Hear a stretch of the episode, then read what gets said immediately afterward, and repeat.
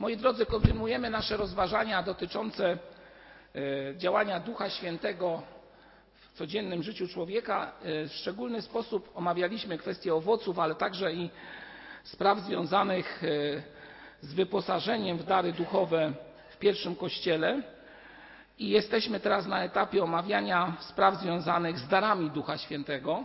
Część z nich już omówiliśmy, ja tylko tytułem przypomnienia powiem, co już za nami. Co już za nami. A więc rozpoczęliśmy od tym, aby powiedzieć na podstawie Pisma Świętego, czym jest chrzest w Duchu Świętym. Czym jest chrzest w Duchu Świętym? Jakże często to słowo pada i e, e, biorąc pod uwagę znaczenie chrztu w Duchu Świętym, e, możemy z perspektywy Pisma Świętego zobaczyć, że dosłowne tłumaczenie słowa chrzest oznacza zanurzenie, zanurzenie w Duchu Świętym. A więc zanurzenie w nim, czyli poznanie, czy też doznanie głębi jego działania w życiu naszym, otwarcie się na to, aby on w naszym życiu y, mógł działać. Bo też w jednym duchu wszyscy zostaliśmy ochrzczeni w jedno ciało. W jednym duchu zostaliśmy ochrzczeni w jedno ciało, mówi Słowo Boże, czy to Żydzi, czy Grecy, czy to niewolnicy, czy wolni. I wszyscy zostaliśmy, i tutaj popatrzcie, jakie jest nawiązanie chrztu i napojeni jednym duchem, czyli jak gdyby zanurzyliśmy się w nim. Następnie mówiliśmy o kwestiach e, związanych z tym, że bardzo często wśród chrześcijan różnych grup wyznaniowych pada e, stwierdzenie, czy też pytanie o nową pięćdziesiątnicę, czyli swego rodzaju wylanie Ducha Świętego. E, I tutaj zadaliśmy pytanie podczas naszych rozważań, czy możemy powiedzieć, że nie mamy Ducha Świętego? Przecież Duch Święty działa pośród nas i jest nam dany, pozostał dany Kościołowi w dniu pięćdziesiątnicy. I raczej powinniśmy pytanie inaczej postawić. Nie tak, czy Duch Święty jest w nas, czy też czy mamy Ducha Świętego, bo go mamy, on jest w nas. Lecz raczej powinniśmy zadać pytanie w inny sposób, mówiąc, czy on, Duch Święty, ma nas, czyli kieruje nami, czy my jesteśmy Jemu oddani tak, aby On nami kierował, a nie żebyśmy my Mu wyznaczali sprawy, które On ma uczynić dla nas, czy też przez nas. A więc jeszcze raz, pytanie dotyczące pięćdziesiątnicy, które zadaliśmy, dotyczy tego, czy Duch Święty faktycznie działa w nas, inaczej mówiąc, tak upraszczając, trzyma nas w swoim ręku. Dalej mówiliśmy o darach, że żaden z darów nie jest wyróżniony w sposób szczególny. Nie ma czegoś takiego, że jeden dar jest ważniejszy, a drugi mniej ważny. O tym mówiliśmy bardzo jednoznacznie. Zaś cały fragment dotyczący kwestii darów Ducha Świętego, zawarty zarówno w 12 rozdziale listu do Rzymian, jak i w pierwszym liście Pawła do Koryntian w 12 rozdziale, to też taka bardzo ważna sprawa ku przypomnieniu i nauczeniu. Gdy was ktoś będzie, bracia i siostry, drodzy przyjaciele, pytał, gdzie spotykamy naukę o darach Ducha Świętego, to bardzo prosto zapamiętać. W liście do Rzymian 12 rozdział i list pierwszy Pawła do Koryntian też 12 rozdział. Tak więc tam są te kwestie, że tak powiem, e, zbiory, opisy e, związane z e, tym, jakie są dary Ducha Świętego w Kościele. Oczywiście w Rzymie, w liście do Rzymian są sprawy darów Ducha Świętego troszeczkę inaczej zaakcentowane niż w Koryntian, ale generalnie wiele z nich jest bardzo podobnych. A więc jeszcze raz, nie ma ważniejszych darów. Wszystkie dary są równe i Duch daje jak chce. Czytając list do Koryntian mówimy o tym, że Paweł po wymienieniu różnego rodzaju darów, po pytaniach, które zadał, czy wszyscy są apostołami, czy wszyscy prorokami, czy wszyscy nauczycielami, czy wszyscy mają moc czynienia cudów, czy wszyscy mają dar uzdrawiania, czy wszyscy mówią językami, czy wszyscy je wykładają. I nagle Paweł przechodzi jak gdyby w tym rozważaniu skierowanym do Koryntian, ale także myślę, że do nas, mówiąc słowa starajcie się wtedy usilnie o większe dary łaski, te, które zostały tutaj wymienione, a ja wam wskażę drogę jeszcze doskonalszą. I o czym Paweł pisze w tym momencie? O czym? Dzisiaj już to słowo padło tutaj. O owocu Ducha Świętego, który powinien być w sercach naszych, a tym owocem jest co? Miłość. Choćbym mówił językami ludzkimi anielskimi, a miłości bym nie miał, byłbym miedzią dźwięczącą lub cymbałem brzmiącym. I choćbym miał dar prorokowania i znał wszystkie tajemnice i posiadł całą wiedzę, i choćbym miał pełnię wiary, tak żebym góry przenosił, a miłości bym nie miał, byłbym niczym, mówi Paweł. I choćbym rozdał całe mienie swoje, i choćbym ciało swoje wydał na spalenie, a miłości bym nie miał, nic mi to nie pomoże. Moi drodzy, to bardzo istotne słowa, dlatego że często bywa tak, że niektórzy zatrzymują się czytając e, list Pawła do Koryntian właśnie na początkowych częściach e, tego listu zapisanych w 12 rozdziale i przechodzą automatycznie do rozdziału 14, gdzie jest mowy, e, duża mowa o kwestiach prorokowania i darów związanych z językami, zapominając o, można powiedzieć takim językiem dzisiejszym clue całego zwiastowania Pawłowego, czyli tym punkcie centralnym. Punkt centralny zwiastowania Pawłowego jest nie tak zwany ekspresjonizm wyrażający się w darach, lecz postawa serca, która wyraża się w miłości. Miłość jest tym, co stanowi sedno nauczania w kontekście listu do Koryntian, moi drodzy. Zwróćcie na to uwagę, czytając ten fragment. Ja nie zapomnę kiedyś, jako młody człowiek wraz z grupą młodzieży Katowicach, z którą też byliście braterstwo związani, rozważaliśmy właśnie te kwestie i pamiętam, że też miałem pytania i mówiłem, Panie Boże, no jak to jest, że na przykład modlę się o to, abym na przykład otrzymał dar języków. I modliłem się jako młody człowiek, Panie, że jest to Twoją wolą, ja bym chciał mieć ten dar. I powiem Wam wprost, nie otrzymałem tego daru. I chodziłem taki, no, trudnej sytuacji, bo nawet taki nawet rozdrażniony bym powiedział. No Panie Boże, przecież widzisz, że moje serce jest szczere. Chcę, pragnę tego. Y, manifestujesz wśród niektórych ludzi ten dar, a Ty tego nie masz. A Ty mi tego nie dajesz. I wtedy pamiętam rozmowę z jednym z wujków, tak to się mówiło, i mówi do dzisiaj zresztą. I on mi powiedział tak, Marek, Marek, Ty weź tekst z listu Pawła do Koryntian, z pierwszego rozdziału, list, e, czy wiersz, rozdział 12, 13 i 14. Módl się i czytaj. I nic więcej nie powiedział. Módl się i czytaj. Nie, przepraszam, dodał jedno jeszcze słowo. Do skutku. I wtedy, kiedy czytałem to, ten fragment wielokrotnie, Pan Bóg, w co wierzę, dał mi zrozumienie jednej podstawowej sprawy, że punktem centralnym tych trzech rozdziałów, które występują koło siebie, a pamiętajmy, że Nowy Testament nie miał rozdziałów ani wierszy, to był list, a więc to, było, to był ciąg myślowy. To był ciąg myślowy, to szło jedno za drugim. My zrobiliśmy podziały. A więc, gdy czytałem ten fragment, tak to nazwę, doszedłem do zasadniczego stwierdzenia. Boże, przecież istotą tego fragmentu jest to, co piszesz właśnie w naszym trzynastym rozdziale. To jest istota tego, co chcesz przekazać Kościołowi i mnie. Chociaż nie chcę się tutaj w żadnym wypadku wyróżniać. Zrozumiałem wtedy jeszcze jedną bardzo istotną sprawę, a mianowicie, że mm, gdy człowiek eksponuje pewne sprawy zbyt mocno, a gdzieś ogranicza to, co najistotniejsze, a związane z miłością, to zaczyna być człowiekiem, który jakoby celebruje swoją wyjątkowość. A przecież nie o to chodzi. Kogo my mamy czcić i uwielbiać?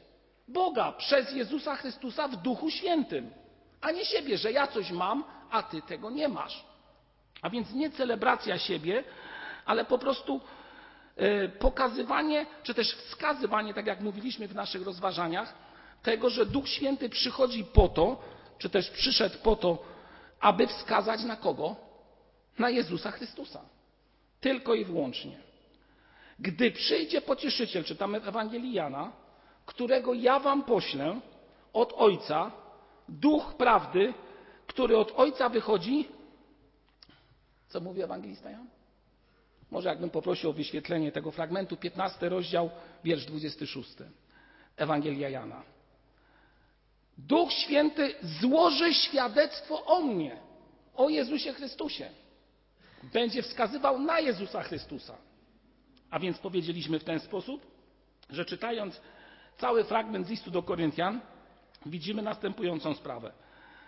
Dary Ducha Świętego, które są tutaj wyszczególnione, są dane Kościołowi po to i przede wszystkim po to, aby ten Kościół wykorzystywał je w ewangelizacji o kim? O Jezusie Chrystusie. mówiąc w mocy o Jezusie Chrystusie, gdyż Duch Święty wskazuje na Chrystusa, a nie jest wyższy od Chrystusa, jak niektórzy próbują to zrobić. Moi drodzy. On wskazuje na Chrystusa. Po Chrystusie jest zbawienie i tylko w nim. Nie ma innego imienia pod niebem danego ludziom, przez które moglibyśmy być zbawieni. Czytamy w dziejach apostolskich w czwartym rozdziale. I to jest istota sprawy. Duch Święty wskazuje na Chrystusa, wyposaża Kościół w dary do tego, aby on niósł świadectwo o Jezusie Chrystusie. I druga sprawa, która w tym fragmencie jest bardzo mocno wyszczególniona, a mianowicie jest pokazany, czy też zawarty jest wątek ciała Chrystusowego, gdzie poszczególne części tego ciała tworzą jedność uzupełniającą się. Głową ciała jest Chrystus, a poszczególne części tego ciała, yy, można powiedzieć, powodują, że to ciało właściwie funkcjonuje w jedności. A więc Duch Święty prowadzi człowieka, każdego z nas, prowadzi Kościół do tego, aby Kościół był w jedności. W jedności. Ewangelizacja i jedność to właśnie te kwestie, które są zawarte i o których mówiliśmy na naszych, podczas naszych rozważań. A więc wróćmy do fragmentu z listu Pawła do Koryntian, tej pierwszej jego części, a właściwie e, części od siódmego wiersza i dalej, dwunasty rozdział. E, rozpoczniemy, żeby było w kontekście. I różne są sposoby działania, lecz ten sam Bóg, który sprawia wszystko we wszystkich. W każdym różnie przejawia się duch ku wspólnemu pożytkowi. Jeden bowiem otrzymuje przez tego ducha mowę mądrości, drugi przez tego samego ducha mowę wiedzy, inny wiarę w tym samym duchu, inny dar uzdrawiania w tym samym duchu, jeszcze inny dar czynienia cudów. I tutaj żeśmy zakończyli tę tą pierwszą część naszych e, rozważań, jeśli chodzi o kwestie związane właśnie z tymi wyposażeniami. Ku przypomnieniu tylko powiem, że e, mówiąc o uzdrowieniach i o cudach e, podczas ostatniego rozważania, doszliśmy do jeszcze jednej bardzo istotnej informacji, która wynika z Pisma Świętego, że cuda, które, cud ewidentny związany na przykład z uzdrowieniami, które działy się w Kościele, one miały miejsce jednak zdarzyło się coś takiego, co było trudne aż do wytłumaczenia, że pod, e, w jakiejś tam części życia Pawłowego, apostoła Pawła, e, znaczenie uzdrowień, czy też jego moc wynikająca z uzdrowień, jak gdyby osłabła. Ktoś powie, jak to jest możliwe? Ano Pismo Święte wyraźnie mówi o tym, że Paweł nie uzdrowił swojego bliskiego przyjaciela, który był z nim w więzieniu, Apofrodytas, a Paul Apofrodytasa. Przepraszam, te, te imiona są trudne z języka greckiego. Tylko pozostawił to Bogu. Następnie pisze do swojego umiłowanego ucznia, umiłowanego ucznia, Tymoteusza, mówiąc o tym, aby zażywał wina na jego dolegliwości żołądkowe. Niesamowita sprawa, przecież mógł przyjść do tego ucznia i go uzdrowić. A jednak było inaczej. Potem czyta, czytamy o tym w drugim liście do Tymoteusza, że w Milecie zostawił chorego Trofimosa. No jak to? Paweł zostawia kogoś i idzie sobie gdzieś, a go nie uzdrawia, to gdzie jego moc, byśmy zapytali. No i potem ten kulminacyjny moment, że Paweł mówi, prosiłem Boga o uzdrowienie, trzy razy go prosiłem, a co Bóg powiedział? Dość masz mojej łaski. Dość masz mojej łaski. Więc można zadać pytanie, jak to jest? Dlaczego akurat tak się dzieje? Jedyna i możliwa odpowiedź jest taka, że Bóg daje uzdrowienie, a nie człowiek. A więc kiedy Bóg chce, to uzdrowienie się dzieje przez kogoś w modlitwie, a nie na zasadzie, że zawsze tak być musi. A nie, że zawsze tak być musi. Są ludzie, którzy mają dar uzdrawiania i są ewidentne świadectwa tego, że przez ich działanie ktoś został uzdrowiony, ale tak samo są te same osoby, przez które to ręce działo się uzdrowienie, które modliły się o kogoś innego i ten ktoś nie został uzdrowiony. Dlaczego? Dlatego, że Pan Bóg działa jak chce. Duch działa jak chce. My nie możemy niczego Bogu rozkazywać, my możemy prosić. Prosić w imieniu Jezusa, aby coś się, coś się działo. Idąc dalej w naszych rozważaniach, widzimy o tym, widzimy kolejną bardzo istotną sprawę w dziesiątym wierszu, a mianowicie jest mowa o darze proroctwa.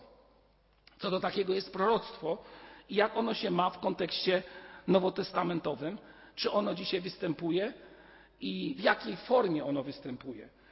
A więc, moi drodzy, oczywiście w Piśmie Świętym, na przykład w dziejach apostolskich, możemy znaleźć informacje o proroctwach, które zostały wypowiedziane wobec ludzi, wobec no, działających przez Boga ludzi w różnych miejscach. W owym to czasie przyszli do Antiochii prorocy z Jerozolimy. I powstał jeden z nich imieniem Agabus i przepowiedział natchniony przez ducha, że nastanie głód wielki na całym świecie. Został on też, nastał on też za Klaudiusza. A więc możemy powiedzieć, że byli ludzie, którzy przepowiadali konkretne, konkretne słowa. Tutaj pada słowo przepowiedzieć. My zaś czytamy o darze proroctwa. Czytamy też o tym, że wobec apostoła Pawła było wypowiedziane proroctwo, czy też jakaś informacja, żeby nie szedł do Jerozolimy. Tak? Bo tam go spotkają więzy. A on jednak poszedł. Niektórzy mówią, dlaczego poszedł, a nie posłuchał. Też ciekawa sprawa, ale tak się właśnie działo. Wróćmy jednak do sedna kwestii związanego z proroctwem i czym proroctwo jest. Dosłownie z języka oryginalnego słowo proroctwo znaczy przemawiać i mówić publicznie. Dopiero, moi drodzy, w średniowieczu uzupełniono znaczenie słowa proroctwo z języka oryginalnego o stwierdzenie przepowiadanie. My przyjmujemy często to słowo przepowiadanie, ale w perspektywie Pisma Świętego można zaobserwować, że raczej chodzi o głoszenie. Raczej chodzi o to, aby przemawiać, czy też mówić publicznie. W liście do Koryntian w 14 rozdziale spotykamy takie słowa. Trzeci wiersz. Kto prorokuje, mówi do ludzi ku zbudowaniu, napomnieniu i pocieszeniu.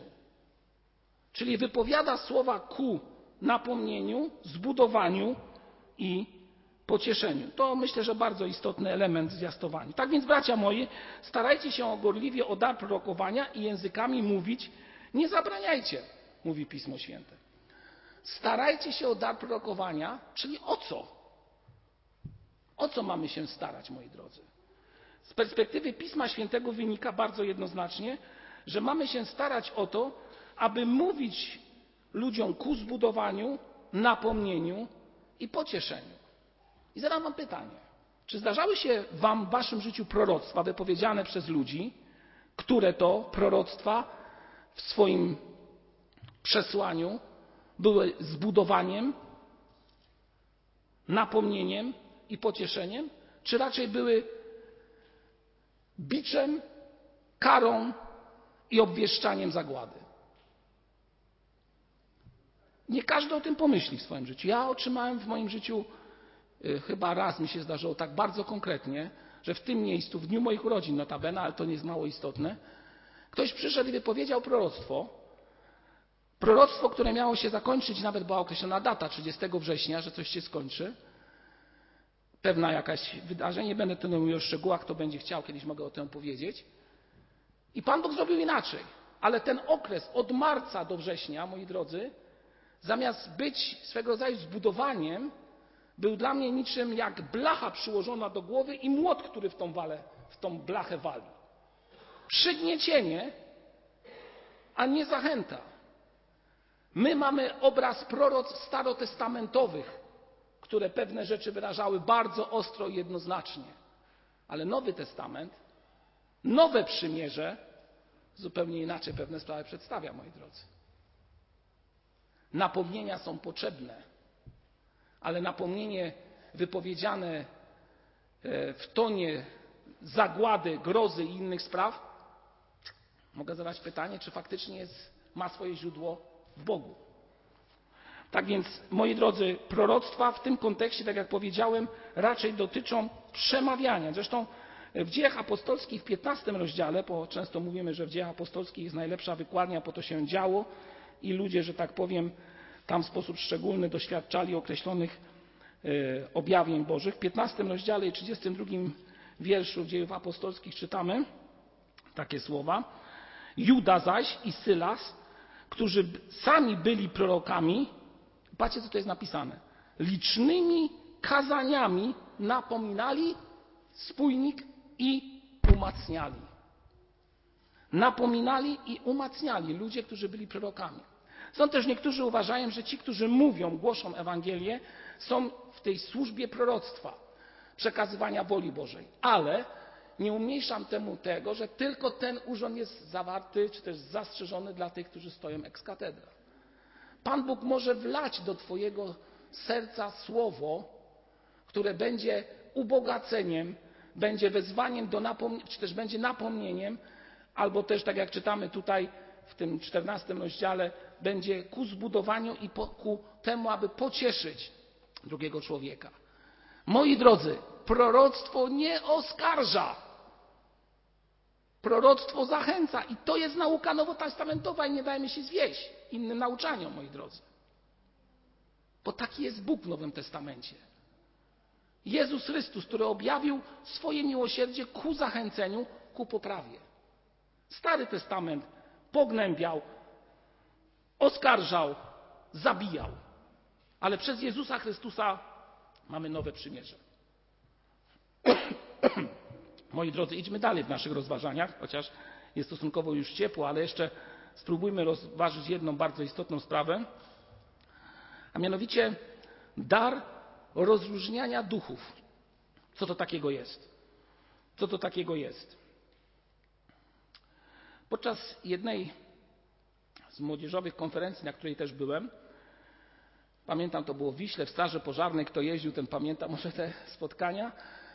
E, przyjechali ludzie, którzy w swoim nauczaniu próbowali e, tak przekazać ludziom wiedzę, że praktycznie okazało się, że wszędzie są demony. Wszędzie jest coś nas otacza demonicznego i złego. Oczywiście diabeł jest księciem tego świata i on walczy przeciwko Bogu, to nie lega wątpliwości. Ale moi drodzy, my mamy zwycięstwo w Chrystusie nad tym. My mamy zwycięstwo w Chrystusie nad tym, co jest. Oczywiście bój toczymy nie z krwią i z ciałem, lecz z nadziemskimi władzami, z siłami ciemności, ale my mamy zwycięstwo w Chrystusie nad tym. Dlaczego? Dlatego, że On przelał swoją krew, aby pokonać te wszystkie sprawy. Okazuje się, że jest swego rodzaju obawa, która wiąże się z tym, że człowiek otrzymuje często od drugiego człowieka takie przesłanie, które mówi mu: W tobie to prawie już tylko demon działa. Jesteś tak zły, że w ogóle zapomnij. Jak wtedy reagujemy? Smutkiem. Bo człowiek naturalnie reaguje na takie sprawy smutkiem wejrzeniem w siebie. Ale z drugiej strony mamy obietnicę, że to wszystko zostało zwyciężone przez krew Jezusa Chrystusa. Jeśli wyznajemy swój grzech, pokutujemy za ten grzech, to wierny jest Bóg i oczyści nas i uwolni nas od tego, moi drodzy. No czy to nie jest nadzieja? Czy to nie jest nadzieja? Uwolnienie, które jest w Chrystusie. Oczywiście zdarzają się sytuacje, ewidentnego opętania, które możemy zobaczyć wśród różnych ludzi, stąd też mówi się o egzorcystach, o różnych innych osobach. My, jako Kościół Jezusa Chrystusa, mamy siłę w modlitwie, aby w mocy tego, tej siły, która jest w Jezusie Chrystusie, prosić Boga o uwolnienie i przeciwstawienie się tej sprawy. Nie my uwalniamy, moi drodzy. Duch Święty to czyni, nie kto inny ten, który został nam posłany, moi, moi drodzy. Jak rozeznać duchy? W pierwszym kościele, moi drodzy, no było to bardzo ostre. Rozeznać ducha kłamstwa na przykład, moi, moi drodzy. Pamiętacie przykład z dziejów apostolskich? To sobie przypomina. Duch kłamstwa, który chciał oszukać apostołów. Ananiasz i Safira kombinowali. I chcieli oszukać. I można by powiedzieć takim językiem dosłownym, stracili błogosławieństwo. Stracili błogosławieństwo. Stracili błogosławieństwo. Dziś, patrząc na ten fragment, trudno jest nam powiedzieć, że Pan Bóg tak działa, aczkolwiek w sposób taki jak u nich, że zaraz padli przed apostołami na skutek grzechu kłamstwa, ale powiem w ten sposób. Pan Bóg jest nierychliwy, ale sprawiedliwy. Więc uważajmy. Ja i ty uważajmy na to, co wypowiadamy, jak wypowiadamy i dlaczego coś mówimy i w jakim kontekście. I to nie jest jakieś tam pobudzanie was do obawy i lęku. Dziś, jeśli głos Jego słyszysz, wołaj o przebaczenie. Pokutuj z tego, co się dzieje w Twoim życiu, jeżeli się dzieje. A dopóki trwa czas łaski, dopóty też trwa prawdziwe przebaczenie. A więc y, dusze były ogarnięte tym, co się działo przez apostołów. Powiem w ten sposób. Często czytając właśnie fragmenty dziejów apostolskich, tego nowego przymierza, widzę jedną rzecz. Także w kontekście tego, co mówiłem o Pawle, że potem jak gdyby było tego mniej, jak gdyby, bo ja myślę, że Pan Bóg daje kiedy chce i jak chce i w odpowiednim momencie, dar uzdrawiania, czy też jakieś inne konkretne cuda, ale myślę, że w tym pierwszym etapie działalności Kościoła, gdzie widzimy takie bardzo mocno wyeksponowane dzieło, czy to charyzmatów, darów uzdrawiania i tak że Pan Bóg w ten sposób przez moc Ducha Świętego uwierzytelniał to, co oni robili w sposób szczególny. I dzisiaj może też to użyć, może nas do tego użyć. Tylko pamiętajcie, że On nas może do tego użyć. Jeżeli On, Bóg przez Jezusa Chrystusa, tego chce. A więc, kiedy przychodzi ucisk, kiedy przychodzi choroba, to do kogo mamy wołać? Do mojego Ojca w niebie. Przez Jezusa Chrystusa, prosząc, jeżeli jest to taka, jeżeli jest taka Twoja wola, Panie, uzdrów, wyprowadź mnie z tego. Daj siłę. Dzisiaj modliliśmy się o Krystynę. No. Jakby się nie chciało, no Panie Boże, dlaczego to dziecko tak cierpi, możemy powiedzieć. Uzdrów ją. Przecież Ty wszystko możesz. No właśnie, Bóg wszystko może. Tak jak On chce. Mówiłem mam o przykładzie też i z mojego życia. Też proszę o uzdrowienie. A jedyne co uzyskuje Panie, słowa od Boga. Już tak masz dość budziński ode mnie. No tak mogę powiedzieć, no. I czasami ciężko jest się z tym zgodzić. Ale wola Boża jest ponad moją wolą. Ponad moimi wszystkimi sprawami. Ja mogę przyjść, prosić o przebaczenie i pokutować. Często mówimy, że ucisk nas uwiera. Choroba jest jak coś, co nas uwiera i nie pozwala nam chodzić. Ostatnio byłem, moi drodzy, u pewnej wierzącej dentystki. Ta dentystka charakteryzuje się tym, że robi różne, różne dziwne rzeczy w Twoich ustach, które często są, ocierają się o kwestie bólu i różnych innych dziwnych spraw. Któż z nas tego nie zna? Ale ma jedną niesamowitą sprawę. Ona cały czas mówi. Nie o zębach, tylko o różnych sprawach. I często mając tego pacjenta, jest osobą wierzącą, głosi Ewangelię. Do mnie mówi w ten sposób. No ciekawa forma, nie, moi drodzy. Ale tak, na marginesie to w porządku wszystko jest, jeśli chodzi. I powiem Wam, że powiedziała mi ostatnio taką historię. Mówi, zwróć uwagę, gdy e, wyżynają się, tak można powiedzieć, zęby, są one w pewnym uszeregowaniu, bardzo blisko siebie, niczym w ucisku. Każdy z nich stoi jeden obok drugiego.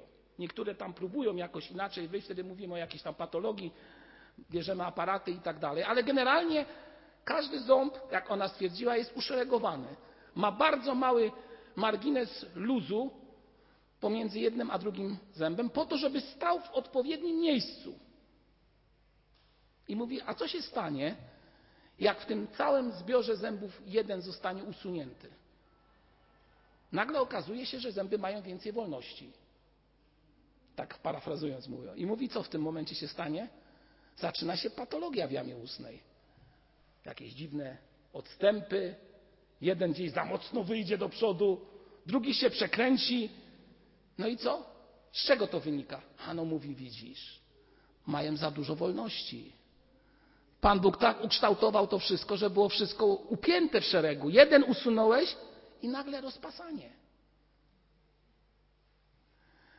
Tak spojrzałem na to, ja ciekawa myśl, trzeba przyznać, ciekawa myśl, co ta kobieta wysuwa, ale powiem sobie, tak pomyślałem o moim życiu. Pan Bóg pewne rzeczy w naszym życiu tak kształtuje, że doprowadza mnie czy nas do pionu i mówi: stój w tym miejscu, A człowiek próbuje ten pion zbytnio, że tak powiem, rozluźnić. I co się wtedy dzieje? Mówiąc językiem tej kobiety, patologia. A więc wierzący człowiek, każdy z nas powinien mieć siłę, aby przyjąć to, co Pan Bóg daje, nawet tak zwane doprowadzenie do pionu z Bożą pokorą i jedyne co powiedzieć, Panie, niech będzie Twoja wola. A to jest najtrudniejsze, moi drodzy. Szczególnie, gdy choruje ktoś bliski. Szczególnie, gdy przychodzą ludzie i modlą się. Słyszałem od jednej osoby, która mówi, że wielokrotnie prosiła o to, aby modlono się nad nią o uzdrowienie. I już od kilkunastu lat to nie następuje. Ale wiecie co? Tej osobie jest radość, że jest Bogiem. I wie, komu służy. Nie poddała się. Chociaż ma jakiś tam smutek. Ktoś powie, o, ona nie ma wiary, albo jakieś inne. Moi drodzy, Pan Bóg, jeszcze raz to podkreślę, rozdziela dar jak chce, działa jak chce, a my w pokorze, moi drodzy, w pokorze. Bez jakiegoś, jakbym tutaj sobie nawet tak zapisałem, narcystycznego zachwytu, że ja coś mogę. Pan Bóg może, jeżeli chce. Pan Bóg może, jeżeli chce. Zapamiętajmy sobie tą myśl, bo to jest istota sprawy. Co może robić Kościół? Modlić się i co może robić Kościół? Prosić, jeżeli będzie taka wola Boża. Niech Was Pan Bóg prowadzi. Powstańmy do modlitwy.